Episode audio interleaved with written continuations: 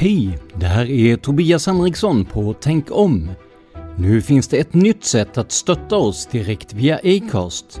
Följ länken i avsnittsbeskrivningen eller gå in på supporter.acast.com tankom. Tack för ditt stöd!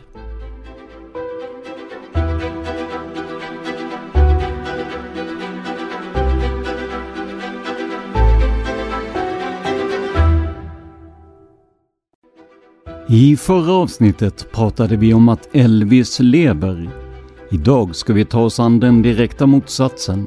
För enligt konspirationsteoretikerna dog Paul McCartney redan 1966 och ersattes av en dubbelgångare. Men hur kan folk tro på sånt här? Det pratar vi om i dagens avsnitt.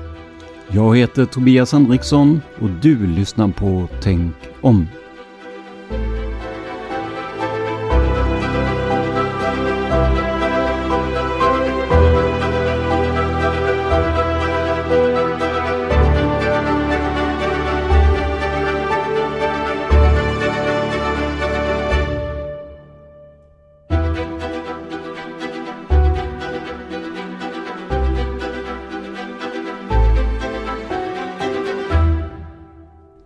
Välkomna till Tänk om, en podcast som granskar konspirationsteorier och myter. Och ett extra stort välkommen till Jenny Sterner. Tack. För idag är det nämligen premiär för ett helt nytt sätt att ge er avsnitten på. Eh, jag har alltid tänkt mig att Tänk om ska vara en podd med två programledare för att det ska kunna uppstå lite intressanta diskussioner om ämnet. Och nu har jag alltså fått med mig Jenny på tåget. Så att vi kommer att presentera avsnitten tillsammans i största möjliga utsträckning. Så ni som vant er vid min röst, ni kommer inte heller att gå lottlösa. Eh, men Jenny, kan inte du presentera dig lite för lyssnarna, vem du är och vad du gör och sådär?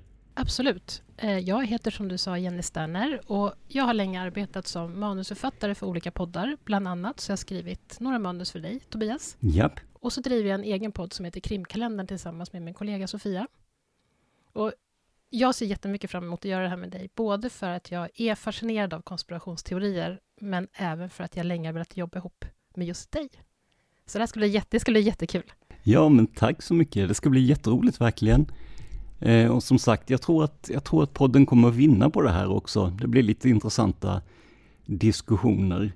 Och jag tänker i och med att det är just ditt första avsnitt som programledare i Tänk om, även om du, som du sa då, har programlett eh, krimkalendern också, så kan jag ta Patreon den här gången. Mm.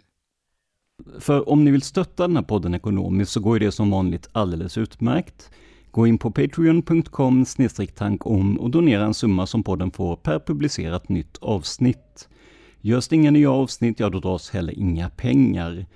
Och om du hellre vill göra en engångsdonation så hittar du alla sätt att göra det på i avsnittsbeskrivningen. Men då så, eh, Jenny, i och med att det är du som har skrivit dagens manus så kan väl du börja med att eh, presentera dagens ämne också? Absolut. I det förra avsnittet så berättade ju du Tobias om att det finns de som tror att Elvis lever och inte alls dog en hjärtinfarkt 1976. Just det. Det finns de som påstår att han ska ha fejkat sin egen död. Antingen för att ha kommit ifrån sitt påpassade liv i strålkastarnas sken eller för att han skulle leva under FBI's beskydd efter att ha blivit hotad av maffian. Och idag ska vi tillsammans berätta om en konspirationsteori som man kanske kan säga är motsatsen. En person som lever, men som vissa tror dog redan 1966, alltså tio år innan Elvis Presley. Just det.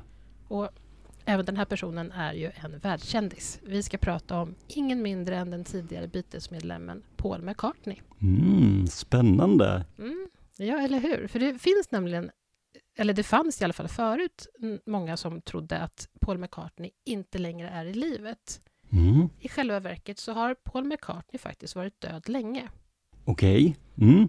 Under år 2020 skulle den före detta Beatles-medlemmen och numera solartisten Paul McCartney ha turnerat i Europa med sin konsert Freshen Up.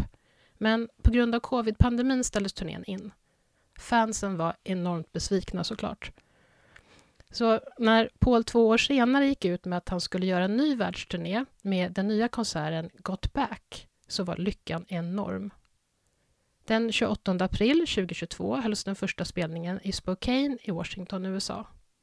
Turnén avslutades ett och ett halvt år senare, den 16 december 2023, alltså väldigt nyligen, mm, mm. med en konsert i Rio de Janeiro i Brasilien. Totalt spelades över 30 låtar på varje konsert under turnén. Konserterna varade i nästan tre timmar. Paul spelade och sjöng låtar ur Beatles repertoar och låtar han hade gjort med bandet Wings. Bandet Wings bildade Paul år 1971 tillsammans med sin fru Linda efter att Beatles hade splittrats. Då kan man säga att alltså, Wings var eh, Paul och Lindas svar på eh, John Lennon och Yoko Ono då på ett sätt då? Ja, precis, lite så. Mm, mm, Okej, okay. ja men då är jag med. Mm. Och förutom det så spelade Paul under konserterna även låtar från sin långa solokarriär. Och förutom de tiotusentals personerna i publiken under den avslutande konserten på Maracana Stadium i Rio de Janeiro så sändes även konserten live på Disney+. Och publiken fick njuta av att höra Paul sjunga låtar som Can't Buy Me Love, Love Me Do och Let It Be. På sajten ticketsmarter.com kunde man hitta biljetter från 240 dollar, vilket i dagens penningvärde motsvarar ungefär 2500 svenska kronor, upp till 2000 dollar för de bästa VIP-platserna, vilket motsvarar drygt 20 000 svenska kronor. Och det var ju pengar som fansen gärna la för att se Paul McCartney live. För som det står på Ticket Smartares hemsida Demand is always extremely high for Paul McCartney as a former member of the Beatles and any tour could be his farewell tour. Alltså, efterfrågan på konsertbiljetter till Paul McCartney är alltid jättehög. Och vem vet, vilken turné som helst kan bli hans avskedsturné. Och det känns ju som ett helt rimligt antagande kan man tycka med tanke på att Sir Paul McCartney fyller 82 år i år. Mm, ja men precis, och jag, jag eh, som lyssnarna vet då från förra avsnittet, jag är ett stort fan av The Beach Boys och eh, av Brian Wilson som eh, ledde bandet i många år. Och eh, jag var såg honom, jag tror det var 2004 som jag såg honom första gången uppe i Stockholm. Och han är också till åren kommen och har haft ett liv kantat av eh, ja, droger, psykisk ohälsa, eh, jobbiga relationer med eh, övriga bandmedlemmar och så vidare. Så jag tänkte att det kanske var det sista, men jag tror att sista gången jag såg honom var typ 2015 eller någonting, så att han är, jag, jag sa någon gång att han är lite som så här kackerlackorna, det är han som mm. överlever en sån här kärnvapenhotet där på något ja. sätt, eller kärnvapenbomb. Ja. Men frågan är alltså, kanske har han redan, för redan länge sedan, gjort sin sista turné? Han kanske redan har skrivit sin sista låt och gjort sin sista intervju. Mm. För det finns alltså de som hävdar att det inte alls var Paul som stod på sten i Rio de Janeiro den där varma decemberkvällen innan jul förra året. Paul är nämligen enligt en konspirationsteori död sedan länge. Och när han dog blev han ersatt av en annan person. En uppgraderad dubbelgångare om man så vill. Den som stod på scen i Rio det var en dubbelgångare till Paul som hade levt hans liv de senaste 50 åren. Just det, just det. Men det där är ju spännande alltså för att, att man kan ju vara väldigt lik på en McCartney men man måste kunna sjunga som honom också. Det är inte många som gör alltså. Men då tar väl jag då och eh, berättar lite om vad som hände runt 66 och framåt där. För eh, som sagt, året var 1966 och Beatles som hade bildats i Liverpool sex år tidigare var numera världskända och hade miljontals fans över hela världen. Var och varannan tonåring var drabbad av Beatlemania. Ja, faktum var att människor i alla åldrar gillade Beatles. Och visst, det fanns de som upprördes också, precis som ni hörde om Elvis i förra avsnittet. Den nya tidens musik var inte för alla, men på det stora hela var Beatles populära i de flesta läger. Gruppen hade börjat sin karriär 1960 genom att spela på klubbar i Hamburg i Tyskland och i Storbritannien. De flesta av låtarna skrevs av John Lennon och Paul McCartney. Efter debutsingeln Love Me Do följde listetta efter listetta och resten är som man säger historia. Och nu, sex år senare, var gruppen en etablerad stjärna på den internationella stjärnhimlen. Den 9 november hade börjat ungefär som vilken arbetsdag som helst för Paul. Vad han inte visste var att det här skulle bli hans sista dag i livet. I alla fall enligt konspirationsteoretikerna. Mm. På senare tid hade det börjat knaka lite i bandet Och den här dagen hade Paul blivit oense med de andra om en av låtarna de skulle spela in till det kommande albumet Sgt. Pepper's Lonely Hearts Club Band. Väldigt långt namn på en, en skiva för övrigt. Verkligen. Ja. Det är så här tungsnubblare verkligen. Ja, precis. Det är en sån där som när man spelar in som man får ta om ett par gånger. Så jag tror ja. att vi har repeterat det här innan. Ja, precis. ja. Men Paul hade i alla fall blivit på eh, rejält dåligt humör. Och det kändes som att det var tre mot en. Han kände sig utstött utanför. Så efter en lång dag i studion på Abbey Road i London satte han sig i sin bil för att köra hem. Paul var upprörd och stressad. Det var ruggigt väder och höstmörkret gjorde sikten dålig.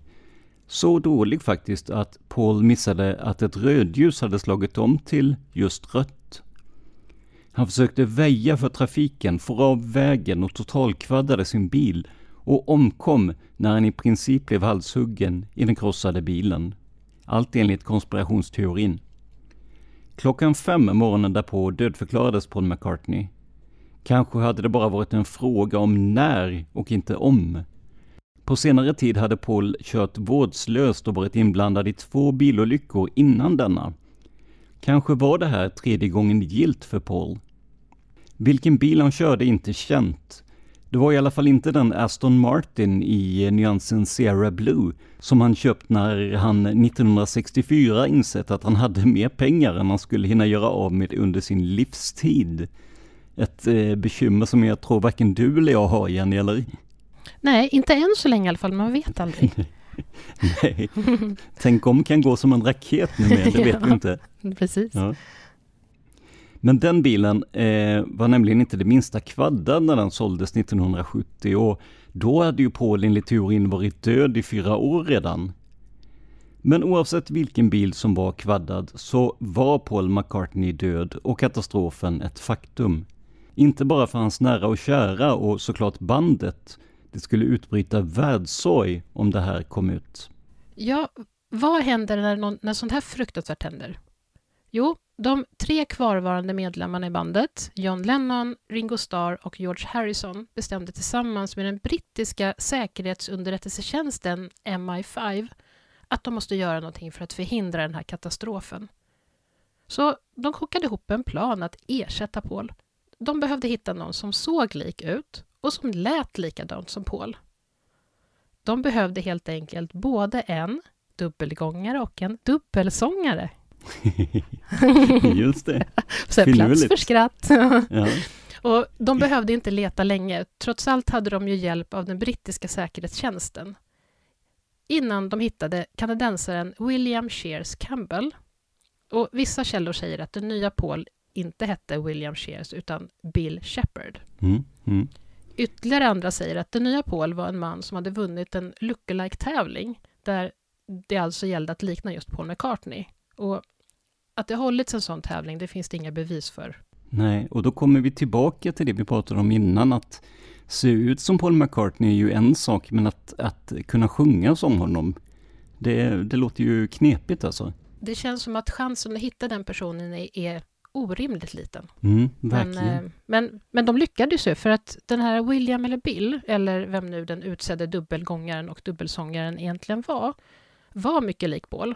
Det var ingen tvekan om den saken, men för att fansen inte skulle ana oråd behövde han vara helt lik. Identisk. Så Bill William fick därför genomgå ett antal plastikoperationer också.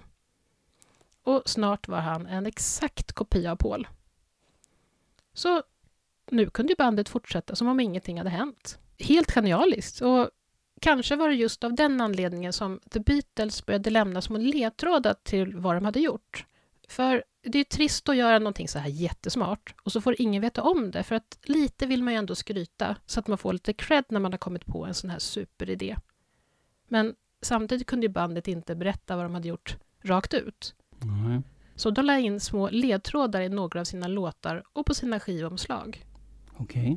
Andra säger att de tre kvarvarande bandmedlemmarna fick enormt dåligt samvete för att de hade ersatt Paul med en dubbelgångare det kändes som att de liksom struntade i att Paul var död och bara gick vidare som om ingenting hade hänt när de ersatte honom med en blek kopia. De var, liksom, de var i sorg deras goda vän var ju död, men de kunde inte uttrycka det för att ingen visste om det. Så det var därför, säger då vissa, som de la in de här ledtrådarna. Men vilken anledningen än var, de sublima ledtrådarna som pekade på att Paul McCartney var död, de finns där. Mhm. Och vem tror du upptäckte ledtrådarna först? Jag skulle vilja säga en musikvetare på Cambridge eller någonting, men det, eller Cambridge heter det väl, men det är säkert inte alls eh, sant. Det är inte helt långt ifrån. Det var amerikanska college och universitetsstudenter. Ah, okej. Eh, oklart exakt vad de studerade, men eh, två år efter den förmodade dödsolyckan så hade ryktet spritt sig till både slott och koja. Det blev nästan som en sport att leta ledtrådar på skivomslag och i låttexter. Den 12 oktober 1969 ringde en lyssnare in till ett radioprogram i Detroit och bad programledaren Russ Gibb att spela Beatles låt Revolution 9. Men lyssnaren hade ett lite annorlunda önskemål. Han ville att Russ skulle spela låten baklänges. För han hade upptäckt att det fanns ett hemligt meddelande inbäddat i låttexten. Och det var tydligt. Det fanns faktiskt ett hemligt meddelande. Det gick tydligt att höra att texten till introt baklänges blev Turn me on, dead man. Okej. Låten, Ja. sändes, ja. Låten sändes igen på radiokanaler i 34 av USAs delstater. Flera hundra miljoner amerikaner kunde höra beviset på att Paul McCartney var död. Han var en, som det då var i texten, en dead man.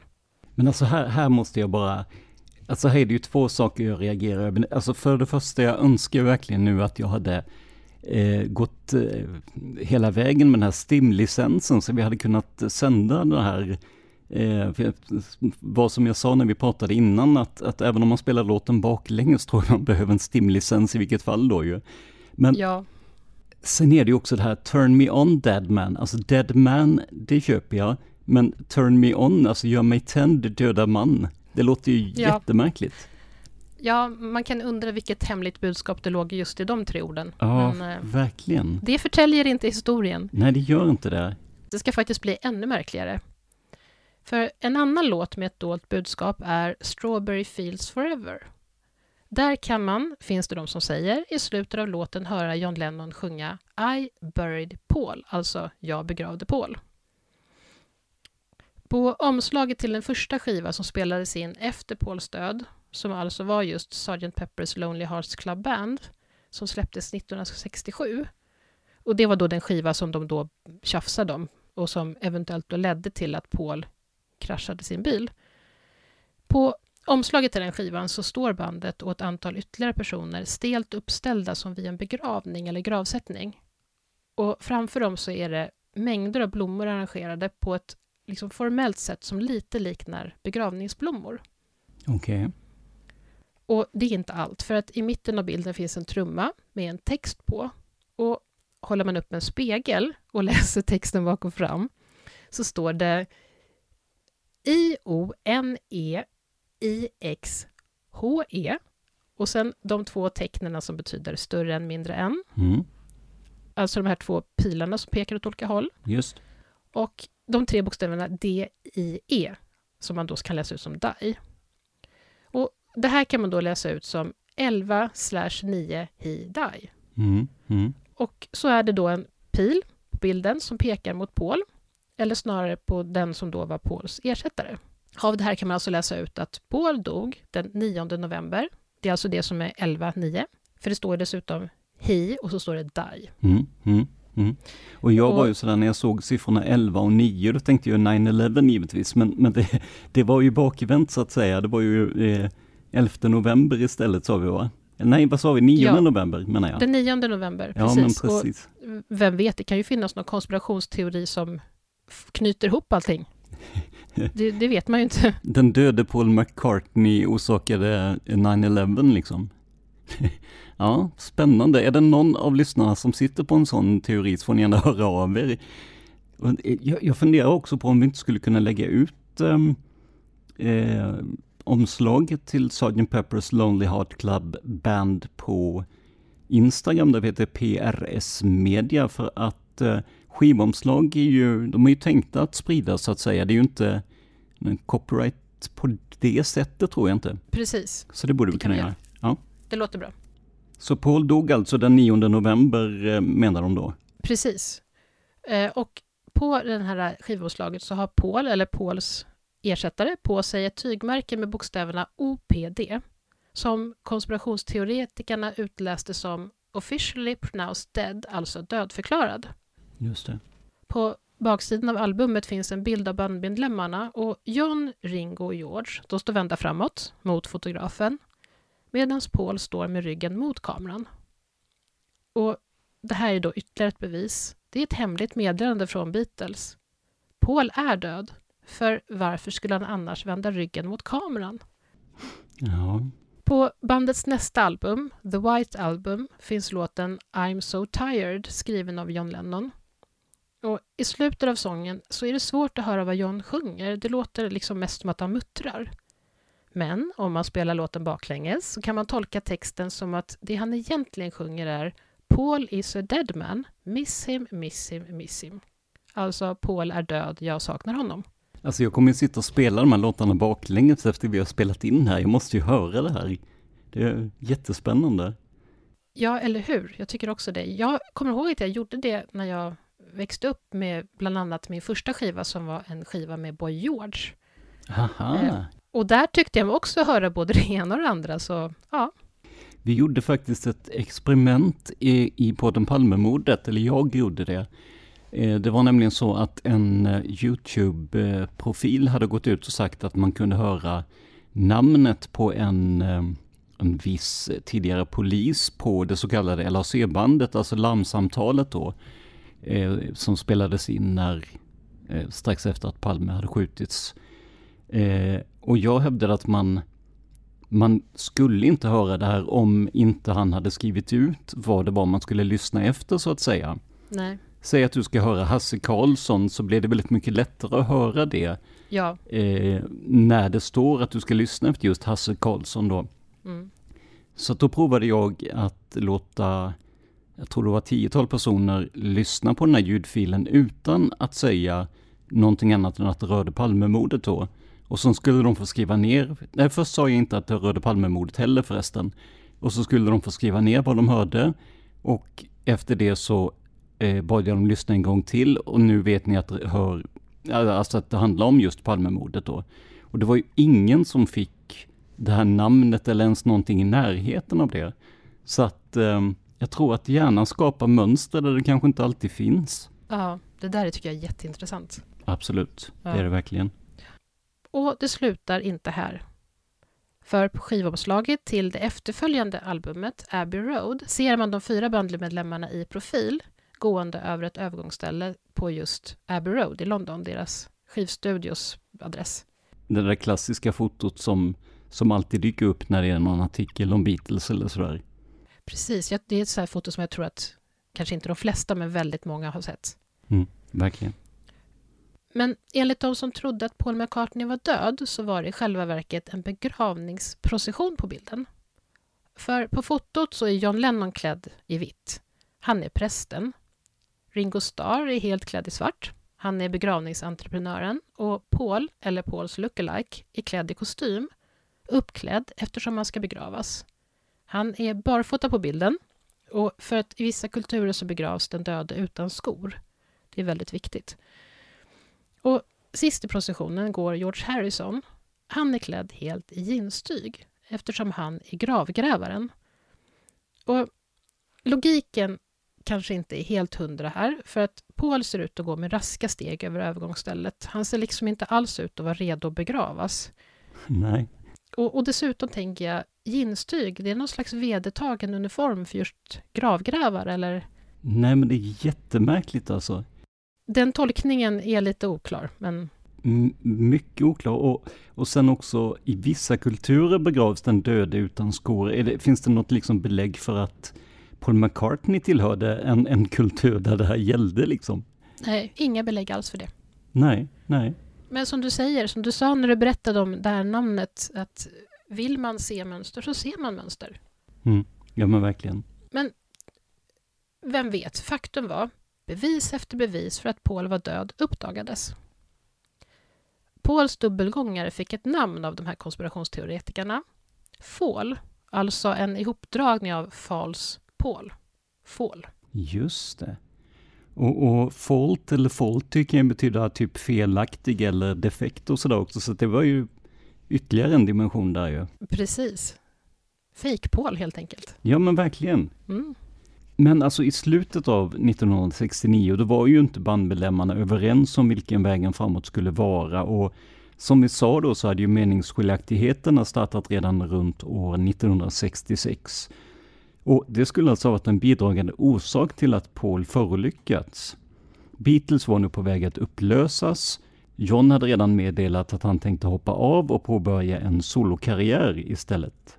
Ryktena om Paul McCartneys död hade vid det här laget börjat bli rejält besvärande för bandet och skivbolaget. Beatles pressansvarige Derek Taylor gick ut i media och dementerade att Paul skulle ha dött tre år tidigare. Derek sa att de såklart hade varit medvetna om att rykten florerat länge, men nu hade det gått överstyr. Folk från hela världen, men framförallt från USA, hade sedan 1966 konstant ringt till studion på Abbey Road och till släktingar och familjemedlemmar till bandet. Och de ringde hem till honom, Derek, dag som natt. Och det blev bara värre och värre. Alltså folk måste sluta ringa nu. De behövde sluta inkräkta på dem och deras familjers privatliv. Och dessutom hade de ju ingenting för det, för Paul levde ju. Men Dereks uttalande hjälpte inte. Ryktena fortsatte florera i samma styrka och frekvens. Att Beatles var på väg att splittras hjälpte inte heller upp saken. Att Paul var död och att dynamiken i bandet inte längre var densamma bidrog såklart till att bandet skulle läggas ner enligt konspirationsteoretikerna. Bandets splittring var helt enkelt ytterligare ett bevis på att Paul var död. Paul McCartney ställde upp eh, på en intervju i en tidning för att försöka få stopp på ryktena. Ringo Starr lät sig intervjuas av amerikansk radio och likaså John Lennon. Både Ringo och John sa att eh, Paul var i högsta grad levande, men John lade till att ryktena ändå hade varit bra för bandet till viss del. Det var lite som gratisreklam för deras skivor. En amerikansk radiokanal gick ut med teorin om att ryktena om att Paul skulle vara död hade fabricerats och spritts av just John Lennon för att ge Beatles mer uppmärksamhet. Och eh, nu är det en spoilervarning för er som eh, är medvetna om att Paul McCartney fortfarande lever, men 1993 tror jag det var, så eh, gjorde Paul något ganska intressant för att dementera att han var död. Och det här är ju väldigt långt efter 66 och 69 som vi pratar om nu. Han släppte ett album som heter Paul is live. Ett livealbum. Han hade helt enkelt fått nog. Han hade fått nog. Och det här hänvisar ju då till att teorin på engelska kallas för Paul is dead. Så då, då gjorde han ett livealbum som heter Paul is live istället. Det är faktiskt lite humoristiskt. Det är det. Definitivt. Det var, han ville väl verkligen få slut på ryktena, tänker jag. Ja, men alltså 93, det är ju, det är ju supersent, så frågan är om det bara var en rolig grej eller om det fortfarande fanns folk som, eh, som trodde på det här. Det verkar ju inte finnas så jättemånga nu i alla fall, när jag har sökt efter till exempel om det finns några sådana grupper, för det finns det ju för många olika konspirationsteorier, men det har jag inte hittat, så det verkar inte vara något, en jättestor teori längre i alla fall. Men det som är intressant är ju att andra band och artister försökte ju rida på den här vågen om att eh, Paul skulle vara död genom att släppa låtar om just hans påstådda död. Bandet The Mystery Tour släppte The Ballad of Paul. Sångaren Terry Knight släppte låten Saint Paul. Och Billy Shears and the All Americans spelade in låten So Long Paul.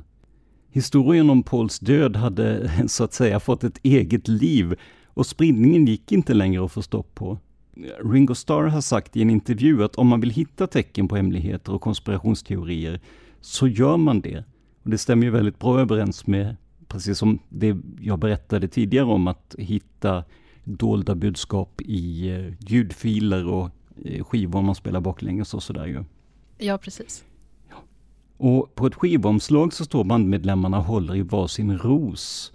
Och rosen Paul håller i är mörkt, mörkt röd, nästan svart. Aha, svart! Det är ytterligare ett bevis på att Paul är död.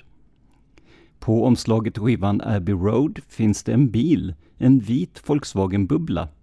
Registreringsnumret är LMW 281F. När det albumet släpptes skulle Paul ha varit 28 år, om, alltså if, han hade levt. För om man läser ettan i registreringsnumret som ett i så blir det ju if. Men vad betyder då den första delen av registreringsnumret kanske ni undrar? Jo, LMW betyder naturligtvis Linda McCartney Weeps, alltså Linda McCartney, Pauls fru, gråter eller sörjer.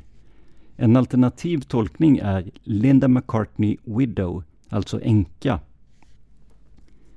På ett foto på ett av skivomslagen håller Paul en cigarett. Och se där, ännu ett bevis.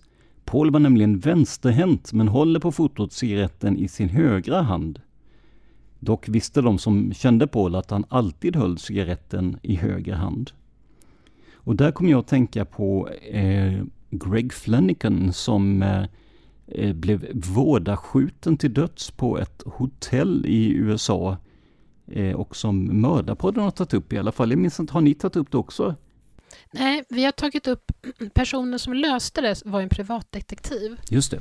Precis. Och vi har tagit upp ett fall, ett annat fall som samma privatdetektiv eh, har löst. Och då pratar vi även om det här fallet lite, så jag känner till det. Just det. För det är ju ett, ett väldigt intressant fall. Utan att spoila allt för mycket nu så kan man ju ändå råda er att gå in och lyssna på när Josefin Måhlén i Mördarpodden berättade det här för just mig faktiskt. Jag hade aldrig talat om det innan. Det är väldigt många eh, konstiga vändningar där verkligen, precis som det är det här ämnet onekligen. Mm. Det är ett fascinerande fall som ju, som du säger, handlade om ett vådaskott, men det utreddes ju först som ett mord. Mm. Och där de hittade massor med olika tecken på att han hade blivit mördad, för att han höll Ja, jag tror att han, när han var död så höll han cigaretten i fel hand, eller någonting liknande. Och alla som någon gång har, ja men säg varit och handlat och har en kasse i ena handen och samtidigt har ett nikotinbegär vet ju att man kan sätta över eh, cigaretten i vilken hand som helst bara för att stilla nikotinbegäret. Så att jag tänker att det kanske inte är det starkaste argumentet jag hört i alla fall. Nej. Paul och hans fru Linda hade ju träffats ganska nyligen när Paul dog och eh, hade inga gemensamma barn ännu. Men det var inga problem. När Paul byttes ut mot Fall kunde livet fortsätta som vanligt även för Linda, även om hon såklart, som registreringsskylten avslöjade, var ledsen. Men Fall adopterade den dotter Linda hade från ett tidigare äktenskap och sen fick paret tre barn till. Inga konstigheter. Det känns ju som att Linda var den som faktiskt fick ta de största konsekvenserna av Pauls död. Ja, alltså oavsett eh, så att säga vilken, vilken ände man tror på så att säga, så ja, definitivt. Ja. Antingen så skulle hon då ha varit någon konspiratör och eh, ja, men fått barn med en person som såg ut som Paul, eller så måste hon hela tiden leva med eh, de här ryktena om att hennes levande make faktiskt är död. Ja, visst. Så det blir liksom tragiskt hur man än vänder på det. Ja, den här lite lustiga, för det finns ju en hel del med det här som jag kan tycka är lite, lite... Ja, men det är lite skrattigt. Men just Verkligen. den här aspekten känns inte jätteskoj faktiskt. Nej, nej. Nej men absolut. Eh, jag tänker att det måste varit ett, ett litet helsike när det här pågick som värst i alla fall. Eh, för, ja men som, som vi sa, både för bandmedlemmar men framförallt givetvis för familjerna då. Ja, visst. Och eh, den odöde Paul, han ville ju få slut på de här ryktena. Jag berättade ju tidigare om den här skivan Paul is live. Men det fanns, eh, det fanns andra grejer också, för i själva verket såg han fram emot att leva ett mer anonymt liv efter att Beatles hade lagts ner. Visst, han ville göra solokarriär, men efter de tio års stundtals galna hype som han levt med under Beatles-tiden vill han gärna slippa mer uppståndelse. Han drog sig tillbaka till sin gård ute på landet tillsammans med Linda, men gården omsvärmades av journalister och fotografer och till slut gick Paul med på att göra en intervju där han tydligt dementerade att han var död och pratade om hur gärna han ville att livet blev lite mer stillsamt ett tag. Och till viss del blev det det. Han började spela in musik på egen hand och tillbringade fritiden med Linda och barnen på gården. Uppbrottet i Beatles hade inte varit särskilt vänskapligt, i synnerhet inte mellan Paul och John. 1971 släppte John Lennon en låt som heter How Do You Sleep, där han tycks sjunga om personerna som hävdat att Paul var död. John sjunger att They were right when they said you was dead. Alltså, de hade rätt när de sa att du var död. Nu tänker jag att, ska det inte vara you were dead, om man tänker rent... Eh... Jag tror att han sjöng på något, en del, jag vet inte om jag ska säga att det är slang, men en del pratar ju på det där sättet, eh, ungdomar kanske. Eh, jag tror att det för att det, det är rättskrivet det var så han sjöng. Ja, det betvivlar jag eh, inte. Jag bara funderar eh, på... Eh, jag tror bara... att det är lite, så här, lite avslappnat, lite coolt. Jag vet inte. Just det, just det. Men kan, kan man på något sätt liksom förklara hur en sån här konspirationsteori kan uppstå? Ja, det finns en del tankar om det i alla fall. Författaren Ian MacDonald, han menar på att konspirationsteorin som hävdade att Paul McCartney var död, dels var en produkt av tiden, för under 60 och 70-talet så var det populärt att tolka låttexter och Beatles själva hade medvetet lagt in så kallade hemliga meddelanden och tvetydiga tolkningar i vissa texter. De hade alltså gjort det och sagt att de hade gjort det, men inte just vad det gällde Paul McCartneys död. Så vissa saker har de själva berättat om att de har lagt in och andra saker tvistas de om, som till exempel låten Lucy in the Sky with Diamonds som sägs vara en drogliberal text om LSD. Det låg också i tiden med konspirationsteorier med olika teorier om mordet på JF Kennedy i spetsen tätt följt av teorier om mordet på Martin Luther King och frågan var om månlandningen verkligen hade skett och om USA dolde att aliens hade landat på jorden. Mm, precis. Så det låg liksom i tiden med teorier och även att tolka texter och budskap. Men trots att det som sagt troligen inte är så många som numera tror att Paul McCartney dog i en bilolycka 1966 så dyker det då och då upp referenser till konspirationsteorin fortfarande. I ett avsnitt av The Simpsons från 1995 så är Paul McCartney gästartist och han berättar att om hans låt Maybe I'm Amazed spelas baklänges så får man höra ett recept på linssoppa. Och det var ju då perfekt eftersom Simpson-dottern Lisa i avsnittet är vegetarian. Och låten spelas upp och det stämmer tydligen att man hör ett recept. Och dessutom hör man Paul säga Oh, and by the way, I'm alive, alltså jag lever i slutet. Och det tänker jag det här var då 1995, så det var alltså två år då efter att han gjorde den här live-skivan. Ja, men precis. Som du berättade om. Jag undrar, jag har för mig att um, det här kan vara fel nu, jag får googla under tiden, men jag har för mig att um, det var ett krav från uh, Paul McCartney att uh, en av karaktärerna skulle vara vegetarian. Jag kom att tänka på det efter jag hade läst manuset igår. Jo, men det, det tycks faktiskt stämma. McCartneys villkor för att dyka upp var att, eh, eh att Lisas eh, val att bli vegetarian skulle vara en, en permanent helt enkelt, att det skulle hålla i sig.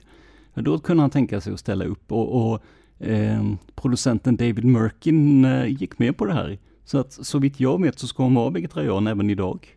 Ja, vad intressant. Ja, eller hur? Då har man makt och man kan ändra, ja. Precis, jag skulle säga, det säger en hel del om hans storhet och av makten han har. Verkligen, verkligen. När jag blir jätte, jättekänd, då ska jag också börja ställa sådana där krav. Jag gillar också sorters krav. Det, det är liksom inte något jag vill ha, vad det nu kan vara. När jag uppträder så vill jag ha bara bruna M&M's eller... Det här var ändå lite roligt. Ja, men det var lite kul. Alltså jag, eh, som sagt, jag, jag har ju nördat ner mycket på, på ett visst band som jag har nämnt jättemånga gånger här nu då.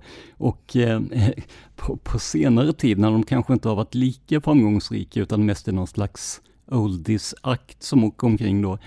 Eh, jag kollade på en av deras Raider listor och där var det fungerande toaletter stod med stora bokstäver. Att det var deras, det var deras liksom, det var i stort sett deras enda krav. Det skulle finnas lite, lite läsk och vatten och sådär med, men det var verkligen fungerande toaletter var det. Då, då börjar man fundera på vad de spelat på för ja, ställen innan då. Det känns som ett otroligt blygsamt krav. Ja, verkligen. Nu, nu, ehm, om man säger den, den eh, turnerande delen av eh, Beach Boys då, eh, det är ju ganska blygsamma rent generellt. Det är väl inte de kreativa krafterna riktigt som, som äger namnet till det så att säga. Men, men jag tyckte ändå fungerande toaletter kändes ju som ett väldigt basalt krav. Verkligen. Mm. Det ska jag också ställa krav på om jag någon gång blir jättekänd. Jag ska ha fungerande toaletter och bara, vad sa du för någonting, bruna M&M sa du va? Ja. Jag vet inte, det är något rockband, eh, vet inte vilket, kanske Metallica, men jag är inte säker, som kräver någonting sånt. Så att personal får alltså sitta och plocka ut, bara de, sortera, bara ut de bruna innan. Ja. Och jag tänker också på vad intressant CV man måste ha då sådär. Vad har du jobbat som tidigare? mm utplockare liksom? Ja, precis. Alltså det är vilken titel. Ja. Och man undrar vad det beror på, för det kan men M&M's tror jag smakar likadant allihopa, det är bara olika färger. Det handlar om att liksom visa sin makt, eller få känna vilken makt man har. Eh, jag gillar verkligen det med fungerande toaletter. Jag tänker att jag har aldrig tänkt att det är ett krav man behöver ha med. Nej, det trodde inte jag heller. Eh, man någon gång får ha en rider, men... Eh, och det är förstås inte bara Beatles som har anklagats för att ha vävt in dolda budskap i sina texter. Antingen då man kan spela låten baklänges så hör man dem, eller väldigt långsamt eller väldigt snabbt.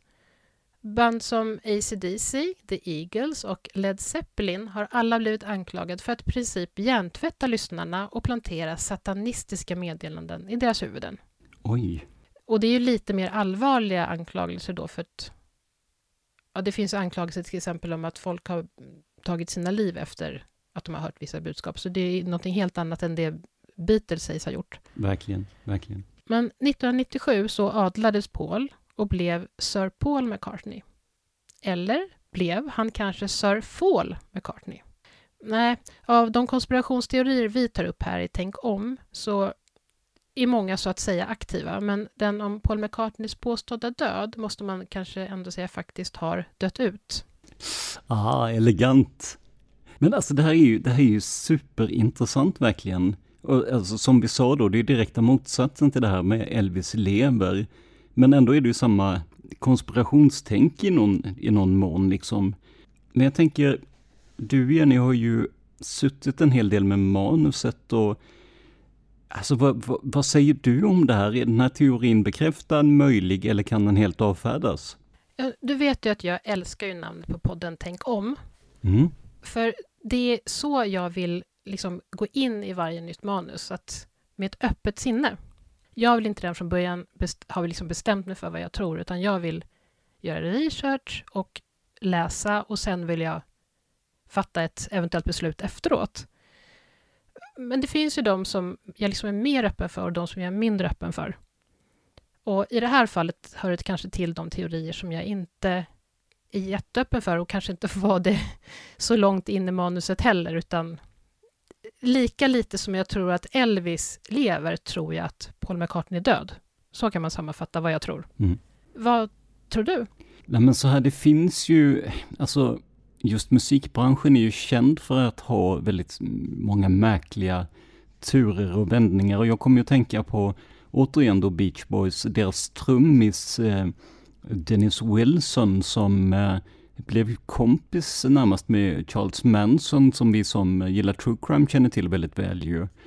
Eh, och förmodligen var det väl så, Dennis var en eh, kvinnokar av stora mått så han tjusades väl av den så kallade familjen runt omkring då med med vackra eh, flickor och sådär. Och eh, det slutade ju inte speciellt bra för eh, Manson och eh, familjen då. Men det blir ämnet för en annan podd. Men det roliga var att, eh, eller det intressanta kan man väl säga var att Charles Manson satt ju och skrev lite musik så han eh, han gick ju på Dennis och sa åh ni måste spela min musik, jag är så duktig och jag kan eh, skriva jättebra låtar och sådär. Och Dennis tyckte ju till slut att det här blev ganska påfrestande då. Speciellt som eh, Charles Manson hade liksom ja, eh, fått Dennis köpa en, en bil åt honom och i princip eh, barrikaderat sig i hans hus och sådana där grejer som är jättemärkligt liksom. Ja. Eh, men det som hände då var att ehm, Charles Manson skrev en låt som hette Cease to exist, alltså upphöra att existera ungefär. Eh, och den snodde Dennis Wilson med sig till Beach Boys och så skrev de om texten lite och sådär, så blev den Never Learn Not To Love, tror jag den heter. Lär dig aldrig att inte älska. Och det, det är ett väldigt annorlunda budskap från, eh, från Sist to Exist onekligen. Verkligen, in, inte riktigt bara skriva om texten utan typ göra om den helt, låter det som. Ja, men verkligen. Jag, jag, jag vet inte hur Charles Manson ställde sig till det här efter sen, för det var ju en låtstöld egentligen då ju, men eh, ja, faktum är att på Youtube kan man höra Charles Manson spela Sist to Exist eh, själv. Om man nu skulle få för sig att, om man har ett intresse för, ja men lite mer obskyra personer i, eh, i eh, musikbranschen och i true crime-branschen också då. Vad intressant. Så att det finns ju mycket, ja men verkligen. Och det finns ju mycket sådana konstigheter i, i musikvärlden och så här helt osannolika grejer, men det här är ju, det här är ju liksom ett steg, ett steg för långt ut på den plankan på något sätt. Att jag är helt, det finns så många bevis för att Paul McCartney faktiskt är, är i livet och han har ju själv gått ut som sagt och adresserat det här vid ett antal tillfällen. Och det är så många som skulle behöva hålla tyst om det nu skulle vara så att han hade dött 66. Så att jag hävdar ju att den här konspirationsteorin är helt, eh, ja, den, den kan vi avfärda helt och hållet. Men den har ett stort underhållningsvärde. Verkligen, och jag håller med. Och jag tänker också att svårigheten just att hitta, nu kommer jag få säga det igen, hitta både en dubbelgångare och en dubbelsångare.